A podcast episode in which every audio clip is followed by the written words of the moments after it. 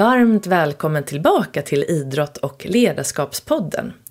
Det här är del två med den mentala tränaren och coachen Stig Wiklund och det första avsnittet var ju då förra veckan.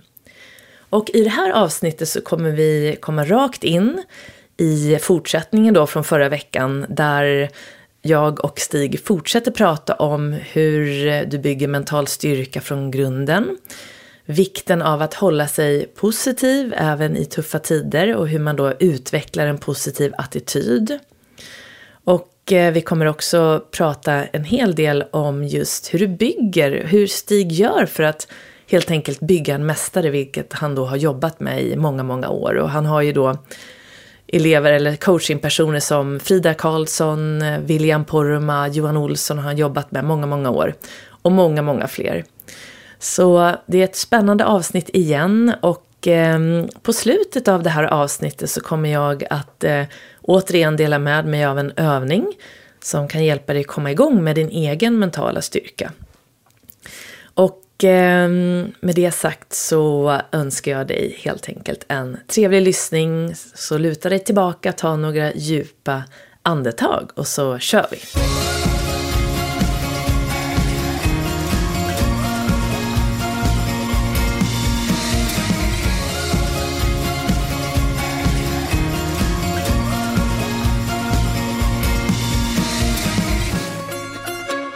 Jag hade en fråga, jag tänkte på det här med apropå bakgrunden hos idrottare eller vanliga människor, och, eller vanliga människor, alla människor. Om, är det lättare att bli mentalt stark och lyckas när man har haft det svårt från början? Eller behöv, är, är bakgrunden viktig för att hitta motivationen till att göra det som krävs för att då jobba hårt för att lyckas med det man önskar? Tror du att, ja. Finns det någon korrelation där som du har sett? Ja, det där är ju spännande också. Jag har ju jobbat, Helena Eklund när jag började med henne, hon var ju sämst jämt. Hon kom, till, hon kom in på skidgymnasiet som en slump. Hon var sen, hon vart varvad när hon kom in i, i skidlandslaget och hon var ju så jäkla dålig som man bara kan bli. Men hon hade en dröm att bli bäst i världen, vilket hon också blev.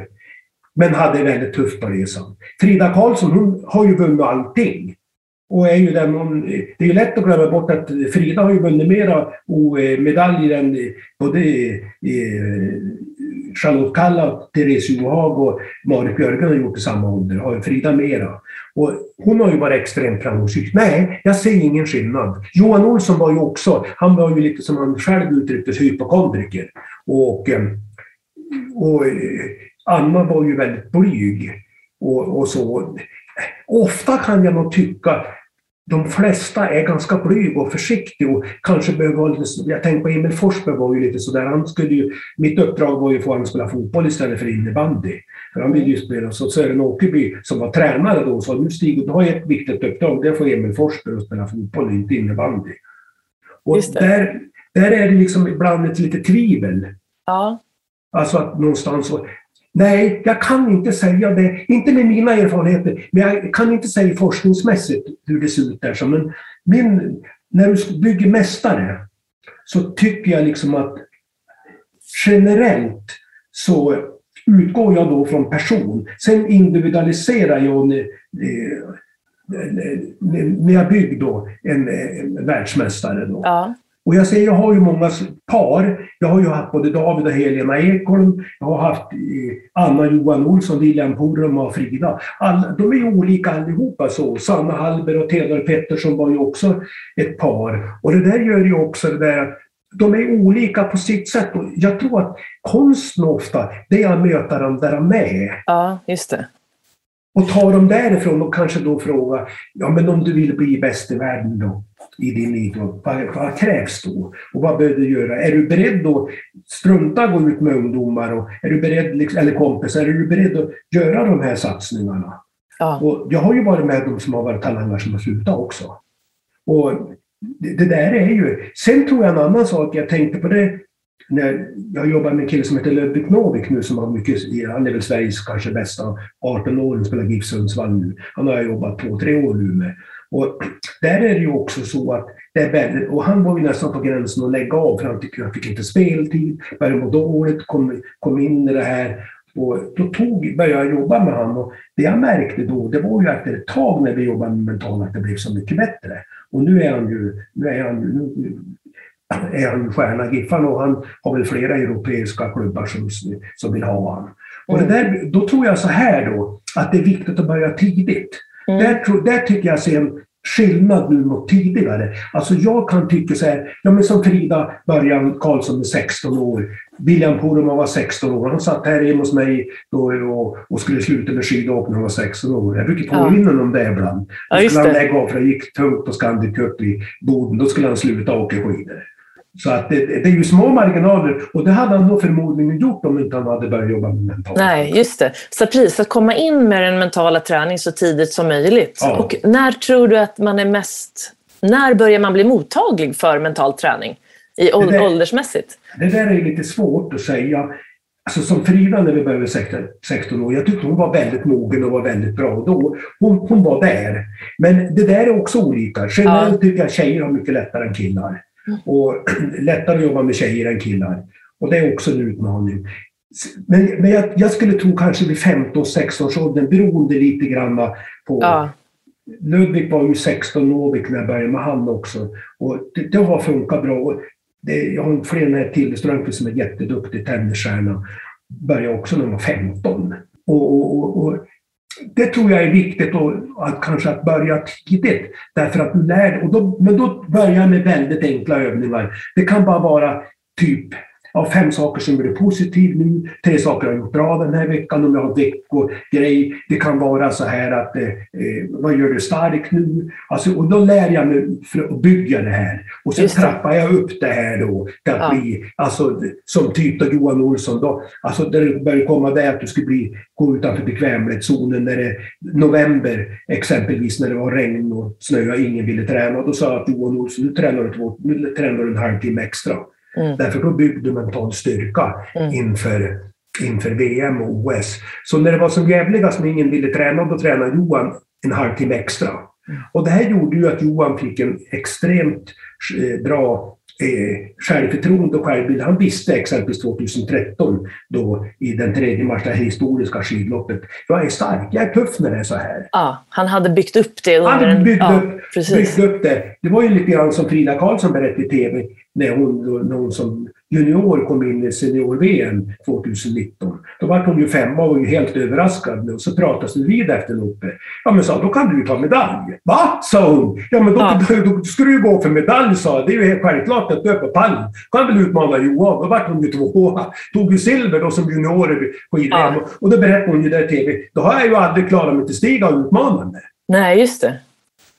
Så, eh, precis, så ditt företag heter ju Positiva Kicken nu, eller hur? Mm. Och just det här att vara positiv, man hör ju när du pratar att du hela tiden vänder, när jag, liksom, känner man sig rädd så att man vänder det till vad man vill istället mm. och tänka på det positiva. Och mm. det kan ju ha lite, jag tänker på hur hjärnan fungerar. Att vi har, vissa säger att vi har en programmering, att vi gärna hamnar i det negativa, att vi gärna bara för att vi är programmerade lite som människor på det sättet. Vi gärna liksom fokuserar lite mer på det negativa och, och så. Håller du med om det? Absolut, och det, där är ju forskningen säger, hjärnforskningen, där, neuroforskningen, de säger så här, hjärnan är ju stenåldersmässig. Alltså för att överleva måste du se faran och därför blir du negativ. Ja. Och då blir det per automatik och därför jobbar jag mycket med mönsterbrytare. Alltså det här med att spegelvända sakerna. Mm. Om någon ringer och säger, ja men det gick väldigt tungt den här matchen, hockeymatchen. Ja, men sa vad gick bra då? Ja. Oj då! Ja, får se, det vet jag. Nu har de ju lärt sig det. Så då kan de, nu jobbar jag med någon kille som har haft lite tufft på hockeysidan, som har varit med i landslag och så i Norrlandslag. har haft det tufft. Då får då ta fram tre höjdpunkter från matchen. Mm. Och så bygger vi det, får han skriva upp det, så bygger vi upp en bank av bra saker som han kan ta med sig när han spelar. Och så assar vi de här bra grejerna han gör bra, alltså förstärker hjärnan. Och så dissar vi, alltså du tar bort det som går mindre bra, då ser du på film. Och då får du liksom ett starkt mindset. Ja, just det. Så, så det här med att vara positiv då, vad skulle du säga liksom är eh, är det någonting som vi också har eh, eller inte har? Eller hur, hur kan, kan alla utveckla liksom en positiv inställning och en positiv attityd? Absolut, alltså jag tror att det är mycket träning. Alltså jag ja. brukar säga så här, jag tränar ju mycket att bygga ett starkt mindset eller starkt mentalt genom att de får jobba med övningar, fem positiva saker idag. Alltså få skriva upp ja. då, fem positiva saker, kanske ett par veckor. Då. Och så titta varje söndag på vad, vad, vad, vad har varit positivt när det så förstärkt. Men det är lite lurigt det här. Jag ska ta ett exempel som, jag, som lärde mig otroligt mycket. Jag hade skidlandslag i Hallstaberg i Sollefteå, det är många år sedan. Det var mitt av mina första uppdrag. Det var ju stort då med skidlandslag. Man uppväxt på landsbygden, man uppväxt med skidor var stort. Mamma och pappa följde ju skidor, det var ju stort. Vad är det jag pratade om? Och eh, då ställde Anna Dahlberg, alltså Anna Olsson nu då, alltså Johan Olssons ställde den här frågan till mig så här. Stig, när jag står på startlinjen tänker jag negativt. Vad ska jag göra? Och då sa jag lite klämkäckt, tänk positivt. Och då sa men åk själv då för fan. Ja. och alltså, alla skrattade och jag vart ju skyldig. Och då tänkte jag så här, nu slutar jag med mental träning. Alltså jag ställer mig aldrig i den här situationen mer att jag står på en scen och blir totalt utskrattad och svaret skyldig. Men nu ska vi se det här. Tänk så här. I de svåraste stunderna kan vara de bästa stunderna för att bygga mental styrka. Därför när jag for hem i bilen var jag för första gången i mitt liv så var jag lite nedslagen och lite deppad. Jag tänkte, fan kunde det bli så här? Ja. Varför, Varför, varför, håller jag på när jag inte kan ge svar? Då lyssnade jag på Sportradion så var det resumé över Ingemar Stenmark. Så frågade Plex så här. Ingemar, du har ju alltid haft så tur, för du har ju alltid vunnit med så små marginaler. Då svarar ju Ingemar så här. Ja, det konstiga är ju att ju mer jag tränar, ju mer tur har jag. Och då förstår jag. Tänkte, men gud, då får jag hem.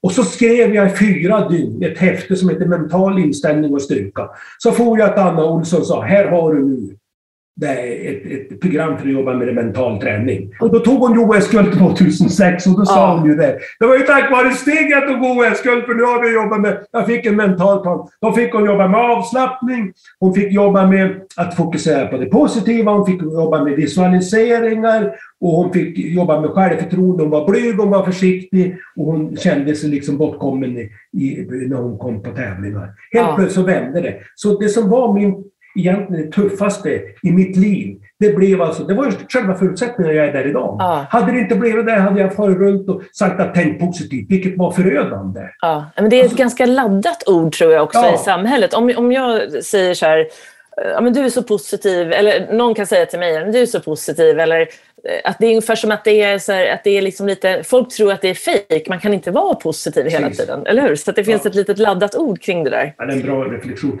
Jag tänker också så här lite grann. Jag är väldigt förtjust en amerikansk professor som heter Jim Collins. Han mm. skrivit en bok som heter Good to Great. Han har tittat på de mest framgångsrika företagen i USA och vad det beror på.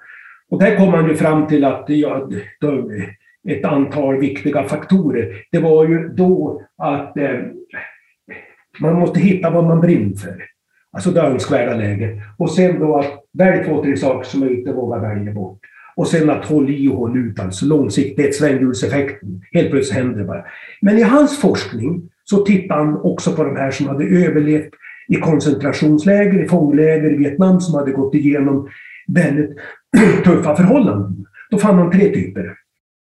Dels de som klarar sig alltså. Han tittar på vad är det som gör att man klarar sig i tuffa situationer. De som var pessimistiska, de klarar sig inte. Grupp två det var de som såg det bara positivt. De blev ofta så besviken att de inte klarade sig. Mm. Den tredje gruppen som klarade sig, det var de som såg sanningen i vitögat. Det är tufft, men jag är optimistisk. Ja.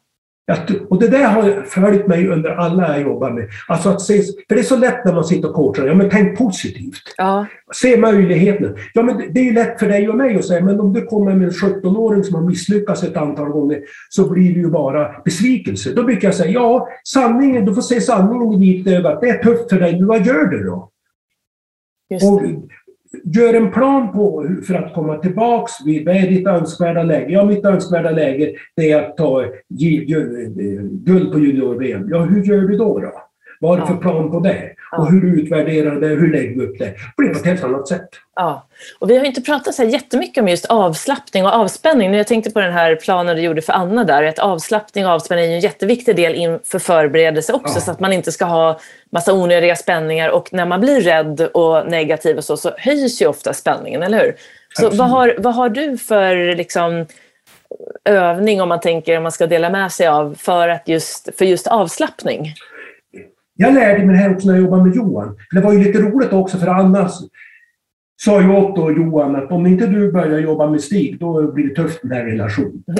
Ja. Och då sa Johan, jag vill inte, ja, jag är tveksam. Men då började ju Johan och jobba, så var det bästa han hade gjort. Och då, när jag började med Johan, då sov han ju nästan bokstavligen med skidorna. Alltså, det var ju, han gick ju inte ut och fika för han var rädd att han skulle bli sjuk. Han sov med skidorna. Och, och då, var då såg jag att vi måste ju hitta en strategi för att gå ner i varv, för att landa. Och då jobbar vi ju väldigt mycket med Uneståls avslappningsband och det passar bra för Johan då. Det funkar perfekt. Och sen med, då med, med mentalt rum och, och, och, och, och se sig själv och vara lugn och trygg.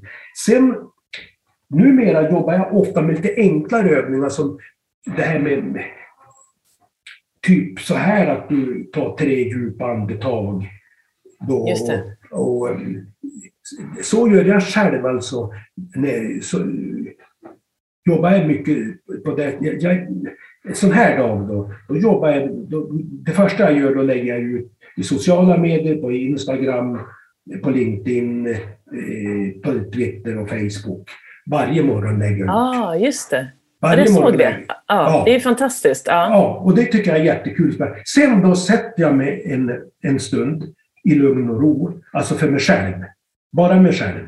Och så då, då tar jag tre eller fem djupa andetag, eller jag går ner, jag gör en triggers. Alltså en triggers är en utlösa knytnäven. Då går kroppen ner i, i varv, då sätter jag mig så. Och sen så funderar jag så här då, eh, då eh, vad blir det bästa idag? Vad är, vad är mitt viktigaste mål idag? Vad Ja. blir bra idag? Ja, idag då tänker jag så här då. Viktigaste målet är att det blir bra här när du och jag gör det här. Och så, sen det andra viktigaste, jag ska ha en föreläsning för länsförsäkringsfastighetsmäklare efter lunch, att det blir bra. Och så tacksam över.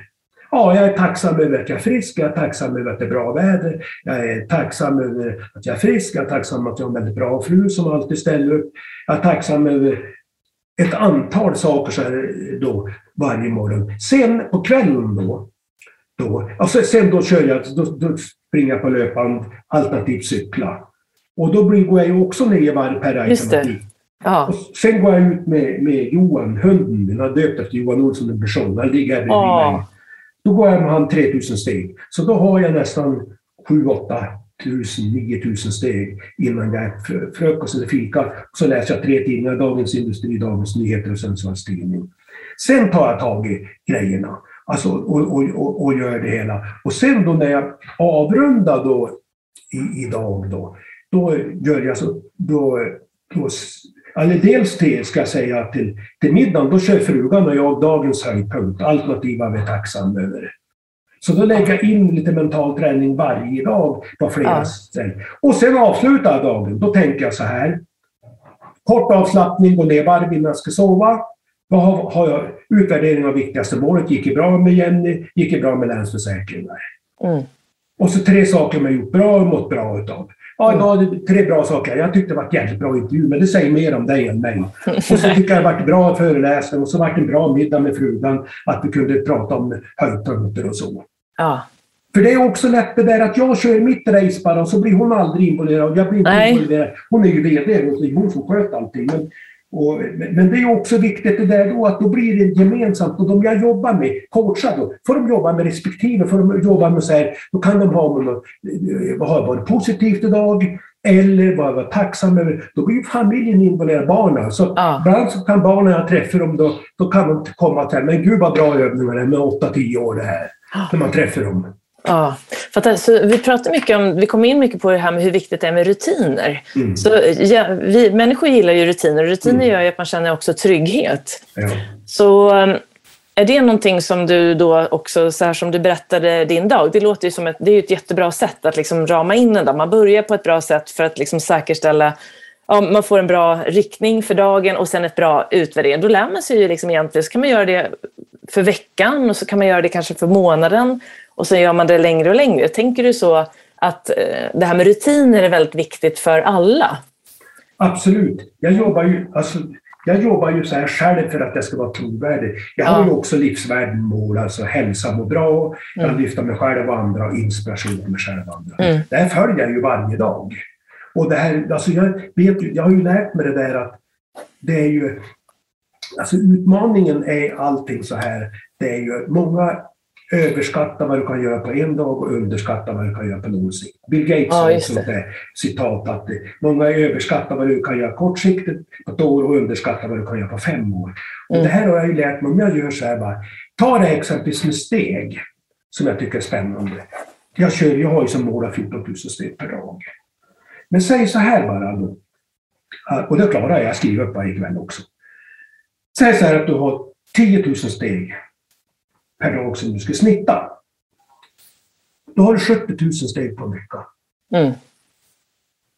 Du har 280 000 steg på en månad. Och du ser ju själv då om du summerar på ett år, alltså vilka effekter det blir. Om du skriver upp fem bra saker varje dag så blir det 35 stycken på en vecka. Det blir då 140 i månaden. Det blir alltså Mm. närmare 1600-1700 steg. Eller steg, höll jag på att säga, positiva tankar på ett år. Ja. Du förstår ju kraften i det. Ja, och att man ser det oftast när man väl har gjort det under Ja. ett tag. Då är det Ja. först då du kan se, man kan se tillbaka, men herregud. Då har man gjort allt det där och då börjar man se skillnad. Ja. Ja, Men, men och, och att se det här lilla, det tror jag också, precis som du säger, att jag tror att utmaningen oftast är hindret, att du ser för stort på saker. Man förstår inte hur stor skillnad det lilla i varje dag kan göra på lång sikt. Apropå vara i nuet och ändå ha mål. Alltså skillnad gör ju skillnad. Mm. Alltså, och då, det där tror jag också många går fel när de börjar med mental träning. Alltså många, jag har ju många idrottslag som ring, ring. Kan du komma hit och se till att vi klarar oss kvar i Allsvenskan eller, eller i SHL? Eller kan du komma hit så vi kan bli svenska mästare? Ja, du pratar fem år eller tre år. Nej, nej det är ju nu! Ja, Ja, då är jag inte rätt person. Och, det, och då skrattar de och då förstår de ju liksom orimligheten i det. Och jag, jag har ju många som ringer och säger inför OS nu, säger, ja, men skulle inte vi kunna jobba så vi har förutsättningar att ta OS-guld? Men då brukar jag säga så här, ja du pratar om fyra år då. Därför att det, det är den tid det tar. Alltså det finns inga quick fix-lösningar i det här. Jag tror ju det här att det som många går fel i, ungdomar och många som jobbar med det här, det är att det ska bli snabba lösningar och så börjar de jobba med dig igen och så blir det inte, eller med mig och så blir det inte snabba lösningar och så blir de besviken och så Ja. slutar de säga mental träning funkar inte. Nej. Men det är klart att det inte gör det. Därför vi bygger inte heller bra kondition på ett par veckor. Nej. Det är en bra liknelse med fysträning när man ska Ja. bygga... Ja, precis. Mm. Och, och, och det här gör ju det. Och, och, och då tror jag det är väldigt viktigt att mitt lärande, det är att det är därför jag gör det här rutinerna som vi var inne på också. Ja. Det gör jag ju därför att jag själv ska jobba med det så att jag är trovärdig. Jag vet ju vad det handlar om. Ja. Och, och jag, alla övningar, jag har ju kanske 100-150 coachövningar jag har. Jag har en full källare med övningar. Och för jag, de brukar få skriva när, när jag träffar dem. För själva Ja. skrivande och klargörande effekt. Och, och, och, och det ser jag ju också där hur viktigt det är det där med, med den typen av rutiner. Mm. Alltså där har också själva skrivande en klargörande effekt. Mm. Så om du har, jag tänkte på en, eh, om du har en dålig dag, du är eh, liksom, allt bara känns så här, det, det började bra, du gjorde din rutin på morgonen och så, här, så händer det någonting. Det känns bara som att du kanske, det kanske inte är något som händer heller. Det kan ju vara så ibland att man bara får en dålig känsla. Mm. Vad gör du för att, liksom, vad gör du då om du har en sån här dålig dag? Då ställer jag frågan, hjälper den här tanken mig? Hjälper den här känslan mig? Och det gör den ju inte, då är jag tillbaks. Det, det är det ena. Det andra är det, är det viktigt för mig det här? Är det här viktigast i mitt liv? Är spelar det mig någon roll där? Är det eh, för hälsa och må bra? Lyfta mig själv och andra, inspiration till mig själv och andra. Är det här viktigt då? Då, då, då blir det, då blir det en icke-fråga. Eller byta, alltså det byter, den här killen som jag pratade igår med då, toppchef för Ikea, så här, så här, han hade lite utmaningar. Ja, men så här, är det här det viktigaste i ditt liv? Mm.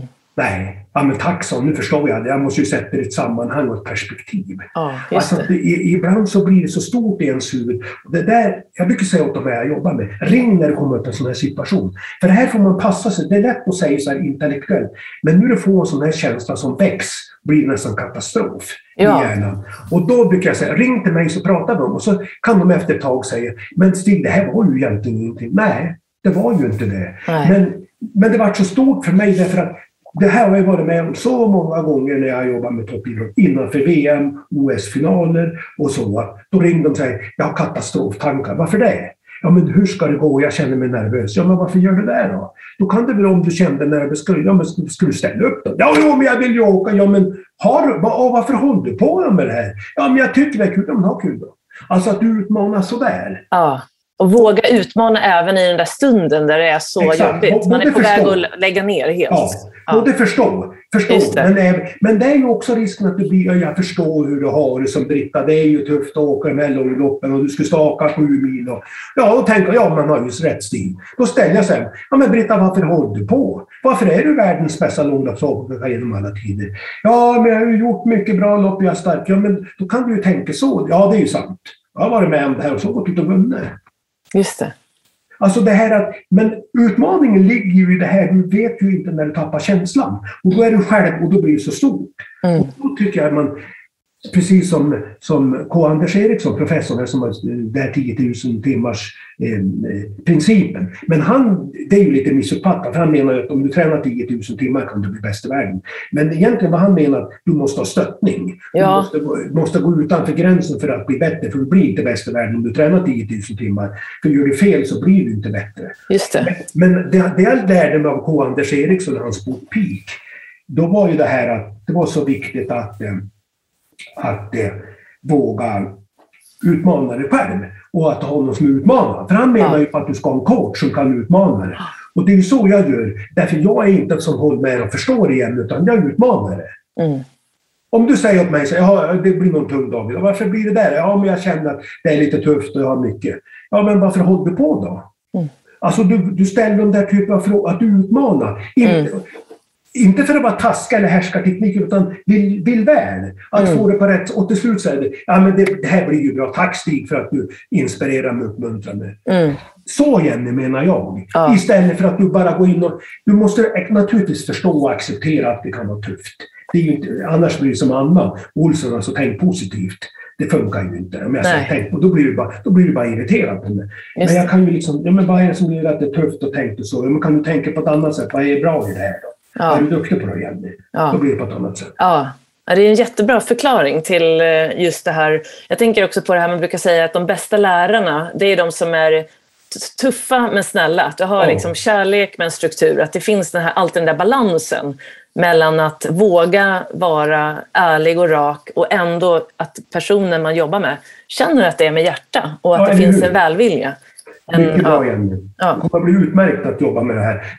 Därför att det är också så här tycker jag. Att jag brukar ibland säga så här, men vet att det är lite känsligt. Får jag utmana? Men tack, mm. säger de ju då. Just det. det är bara du som utmanar. Får jag, jag säger ofta så här, får, får, jag vara, får jag utmana dig Jenny? Eller jag kan säga så här, får jag uttrycka mig så här Jenny? Jag vill bara, eller då säger jag så här, jag vill väl Jenny och därför säger jag så här.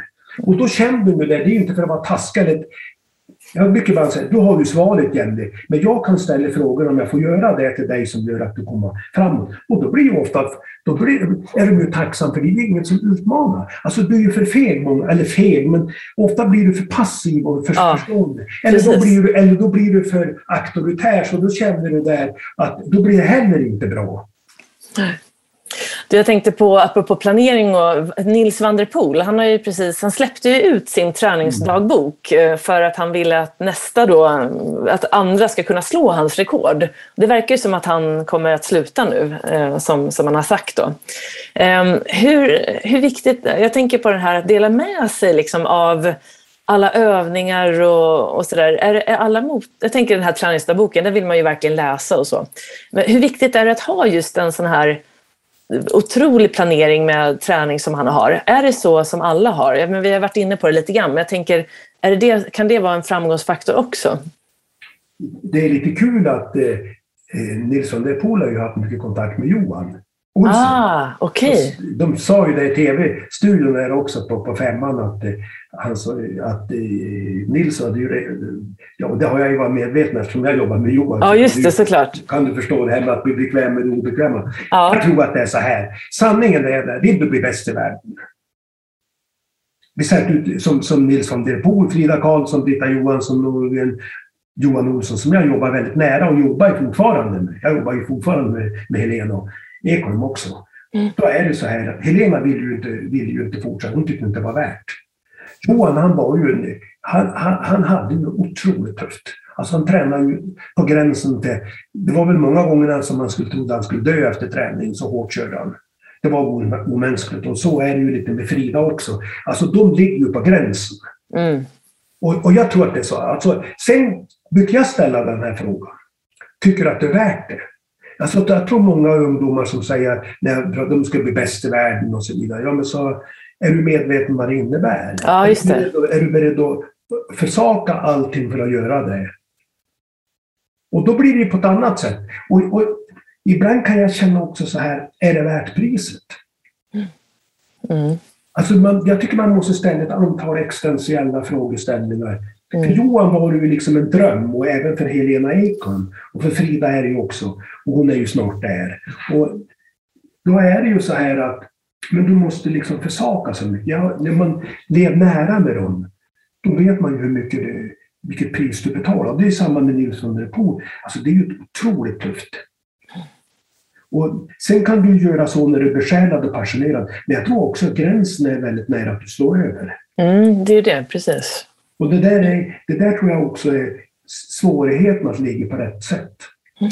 Och där kan det också vara bra att ha någon som du kan eh, ha nära som kan se det där. För det är inte säkert att du ser det själv. Apropå självkännedom. Om du är en, liksom en otroligt passionerad person, oavsett vart du vill lyckas, så är det ju så otroligt lätt att passionen tar över handen så att man blir utbränd.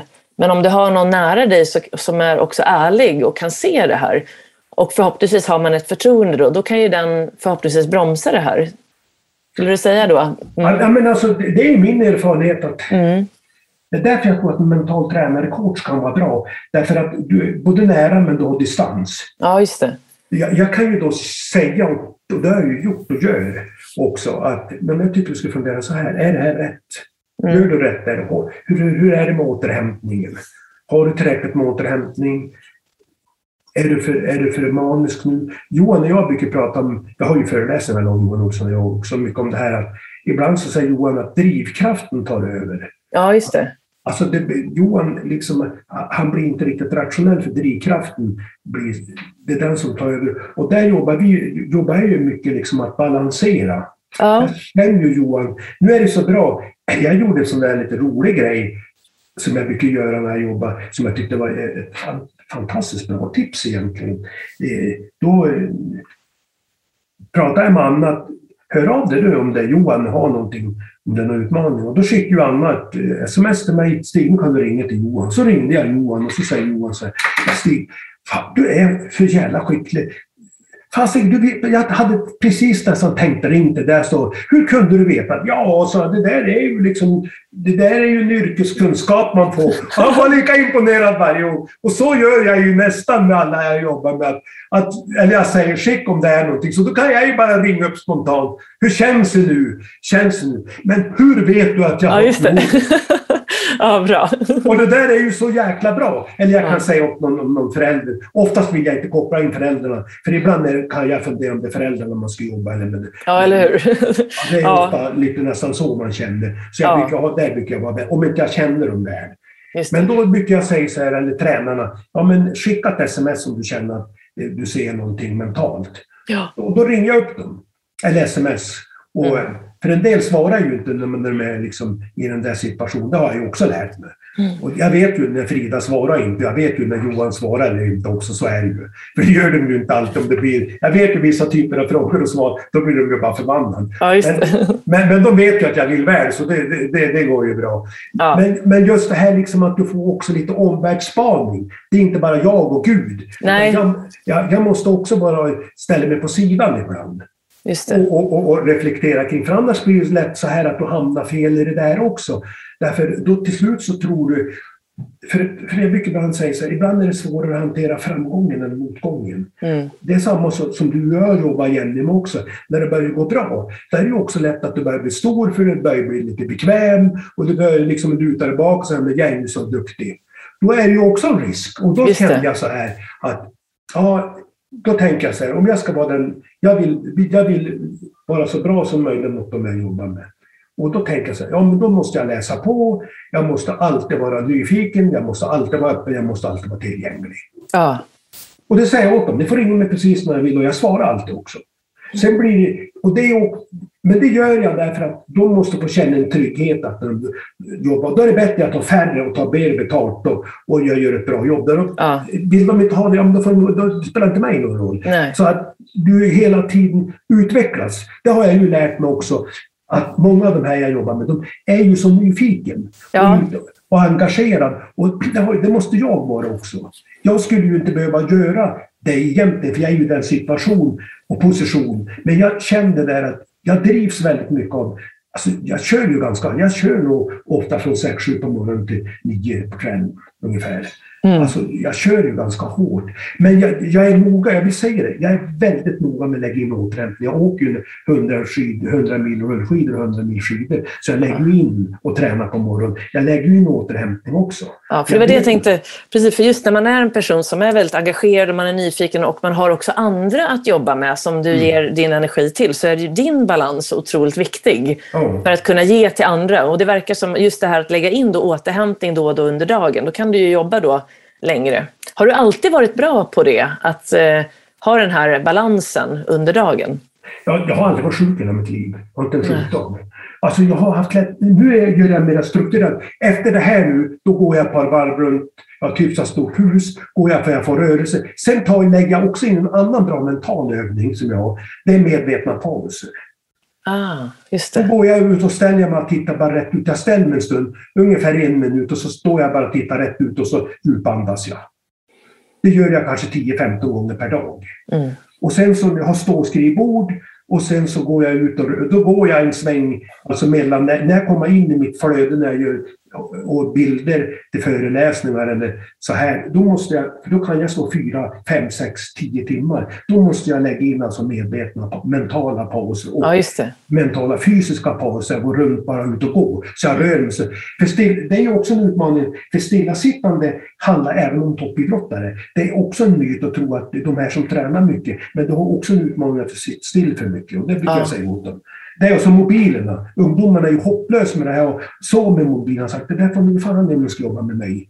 För att då är det bortkastad tid. Därför ja. att det är så viktigt det där att du hanterar det rätt. Och det handlar ju också om en struktur. Att ja. våga utmana. Och jag har ju de som har ringt till mig och sagt men tack för att jag, jag sov ju så mycket bättre nu när jag inte sov med mobilen. Och föräldrar har ringt och sagt ja men allting bara värt att jämta och sluta med, med mobilen på, på kvällen. För då blir det ju så här att om föräldrar säger då funkar det inte. Men om jag säger, då blir det på ett annat sätt. Ja, så viktigt. Jag tror att det där är en stress som alla föräldrar jobbar med just idag. Med barn som håller på med sina sociala, ja. liksom alla sådana här, både mobiler och iPads och spel. Så det där är en stor utmaning tror jag för föräldrars mentala styrka. Ja. Det är så lätt att mobilerna blir liksom lite barnvakter för att föräldrarna blir så stressade av att liksom så att det är otroligt viktigt att försöka hitta struktur och rutiner kring det där tror jag.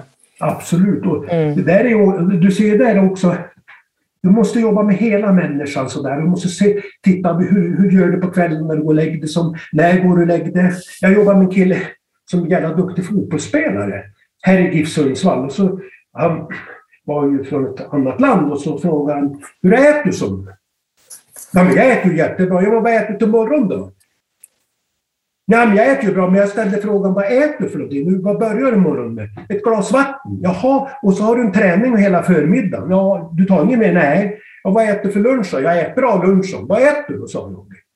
I all välmening. En banan. Ja. Och så har du nästa träningspass. Och så klagade tränaren på att han alltid varit så trött 20 minuter var kvar fick byta ut honom. Men det var ju, han hade ju ingen näring. Nej, just det.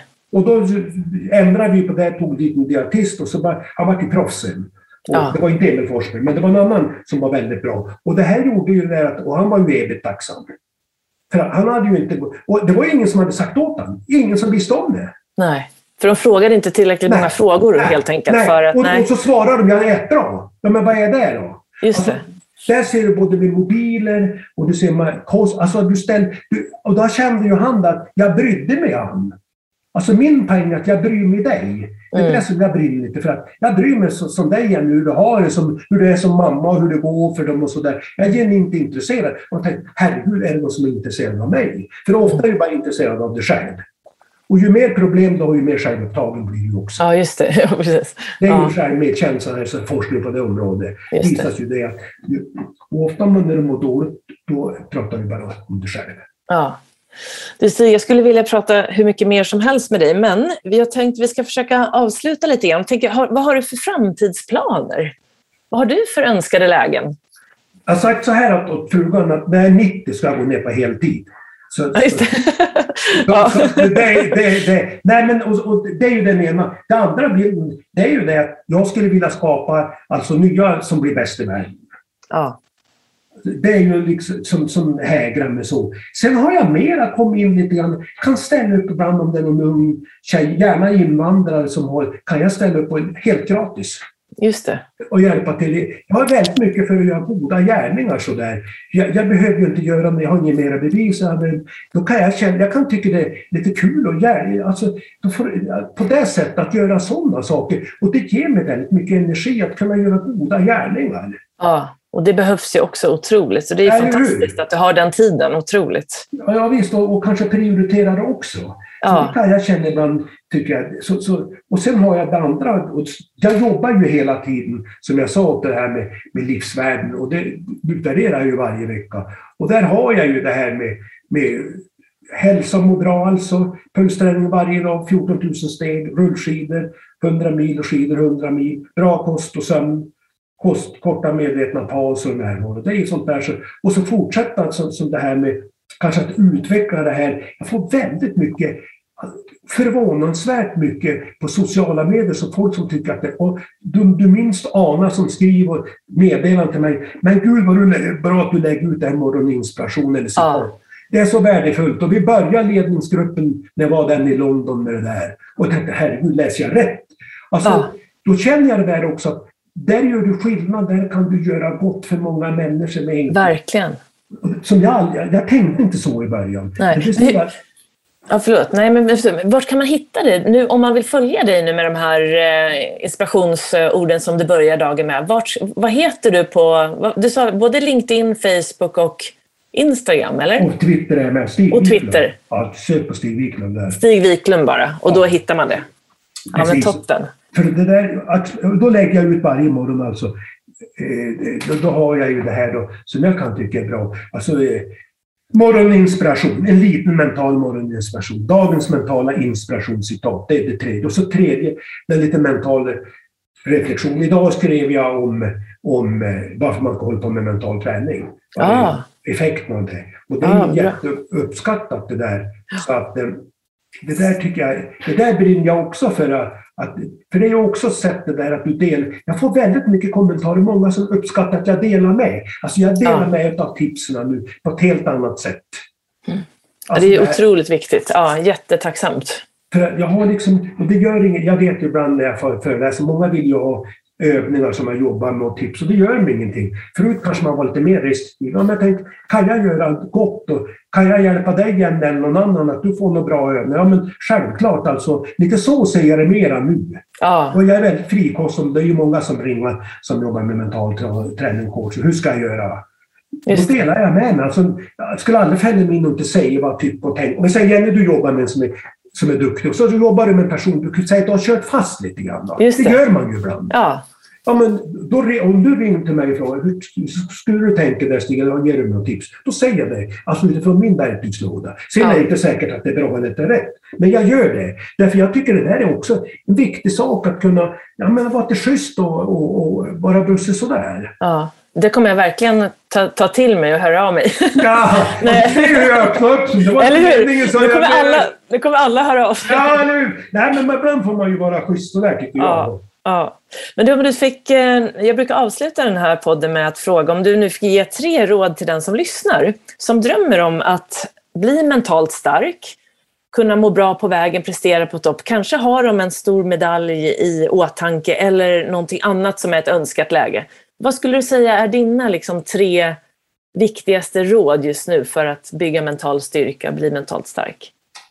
Erfarenhetsmässigt som jag får när jag frågar vad de tycker är det bästa mentala tipsen av coacherna, så är det väldigt många som tycker det här att skriva upp tre bra saker varje kväll. Det är en sån där, tycker jag, fantastiskt bra övning. Det andra jag skulle säga på samma tema, det är att på träning och tävling när du har jobb, utvärdera tre saker jag gjorde bra, i prestationer kan jag bättre, och hur? Där har du utvecklingen. Det är ju Johan Olssons favoritövning. Och sen det tredje, det är nog att du ska träna på återhämtning, att slappna av varje dag. Och att du tränar att alltså, både slappna av, återhämtning och ta tid till reflektion också. Så att du, du har också reflektion på det. Så du tränar det med återhämtning, avslappning, reflektion. Och sen tar jag en fjärde, för jag bryter alltid mot mönstret. Ja, det är bra. Det, det är det att du skulle, skulle våga då vara bekväm med det obekväma. Alltså jobba med saker som är lite obekväma. Fly inte från. Jag har en sån här övning. Skriv upp varje dag vad som gör, där du har gjort saker som är obekväm. Då tränar du att bygga upp ett väldigt starkt mindset. Ja, just det. Det är jättebra ju.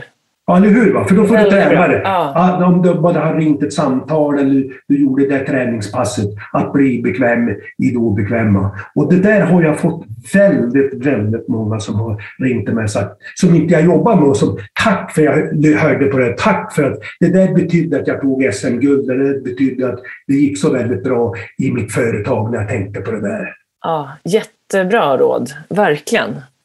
Och, och, just att när man möter det obekväma, det är oftast något man är rädd för. Så då möter man ju också sin rädsla. Precis. Ja, då lär ja. man sig och då blir man ju mer modig. Ja, hur? Då är, ja, precis. Det, det ja, men, är, precis. Nej, det är fantastiskt. Du har varit, det har varit otroligt fantastiskt att få prata med dig. Jag är så tacksam för att du har varit så generös med alla dina... Till du är ju duktig att ställa frågor. Till jag, jag blir ju engagerad. Ja, men det är jättebra. Och till och med fick jag lite coaching själv. Så jag ska jobba vidare på att eh, fortsätta vara en förebild själv också. Det är ett jättebra råd tror jag till alla som jobbar som coacher och mentala tränare och ledare överhuvudtaget. Att det är vi och föräldrar också, att man är förebilder faktiskt. Absolut. Vi måste försöka leva som vi lär, alltid. Ja, jamen. Är det någonting som du vill tillägga nu innan vi... Din, din hemsida ska jag säga, det är positivakicken.se, ja. eller hur? Ja, eller hur? Exakt. Där kan du hitta mer information om ja, dig. Och... Böcker om, jag har ju gett ut ett, ett häfte som jag förresten har glömt och sagt också, som heter Må bra, prestera bättre. Aha. Som jag gjort tillsammans med en tjej som är professor här i, i Sundsvall, Lena. Okay. Och ja. där har vi tagit upp så här övningar som jag pratade om som man kan jobba med. Ja, som, jättebra som är jättebra där och enkelt och lättsamt. Jag gör väldigt enkelt nu och, och, och som, som jag fått fantastiskt bra feedback på. Och där har Frida Karlsson de här jobbar med, och William Porum och, och, alla de här andra jag jobbar med eh, också som har varit jättenöjd med. Ja, jätte... Finns den på din hemsida? Man ja, kan beställa där? Ja, ja. ja, men det är ju toppen. Jättebra, då kan alla få ta del av det här. Eller hur? Ja. Ja, men tack snälla Stig. Varmt lycka till. Vi håller tummarna för alla dina adepter. Man jobbar med nu. Och sen hoppas jag att vi får tillfälle att ta en fika nästa gång. Ja, det kan vi göra. Ja, men det vore ju jättetrevligt. Det vore ju fantastiskt. Tack. Bra. Tack för idag.